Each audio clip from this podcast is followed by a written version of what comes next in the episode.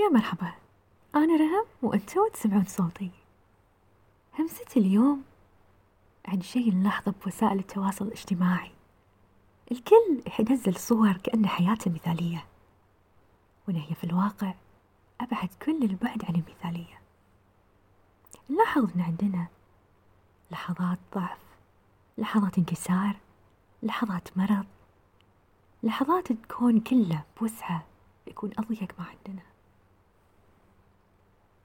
الناس تتهرب من هالشي وتنزل الصورة اللي تعمل فيها.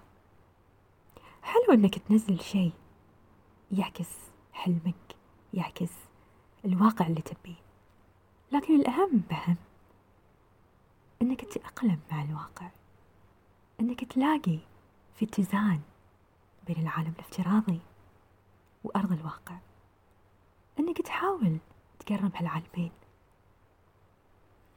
حلو إنك تشارك لكن هم في شيء اسمه حياة شخصية.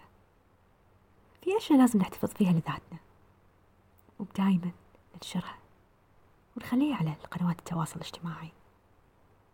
في أشياء حلو نشارك فيها لأنه يكون لها تأثير شخصي على حياة وايد ناس. يمكن تلامسهم يمكن تساعدهم ويمكن تكون كلمة يقرونها شيء إحنا كتبناه يغير يومهم كله. بالنهاية يكون لنا الخيار. يا أن إحنا نعيش في عالم افتراضي وراء شاشات أو إحنا نكون اللي نبي نكونه في أرض الواقع.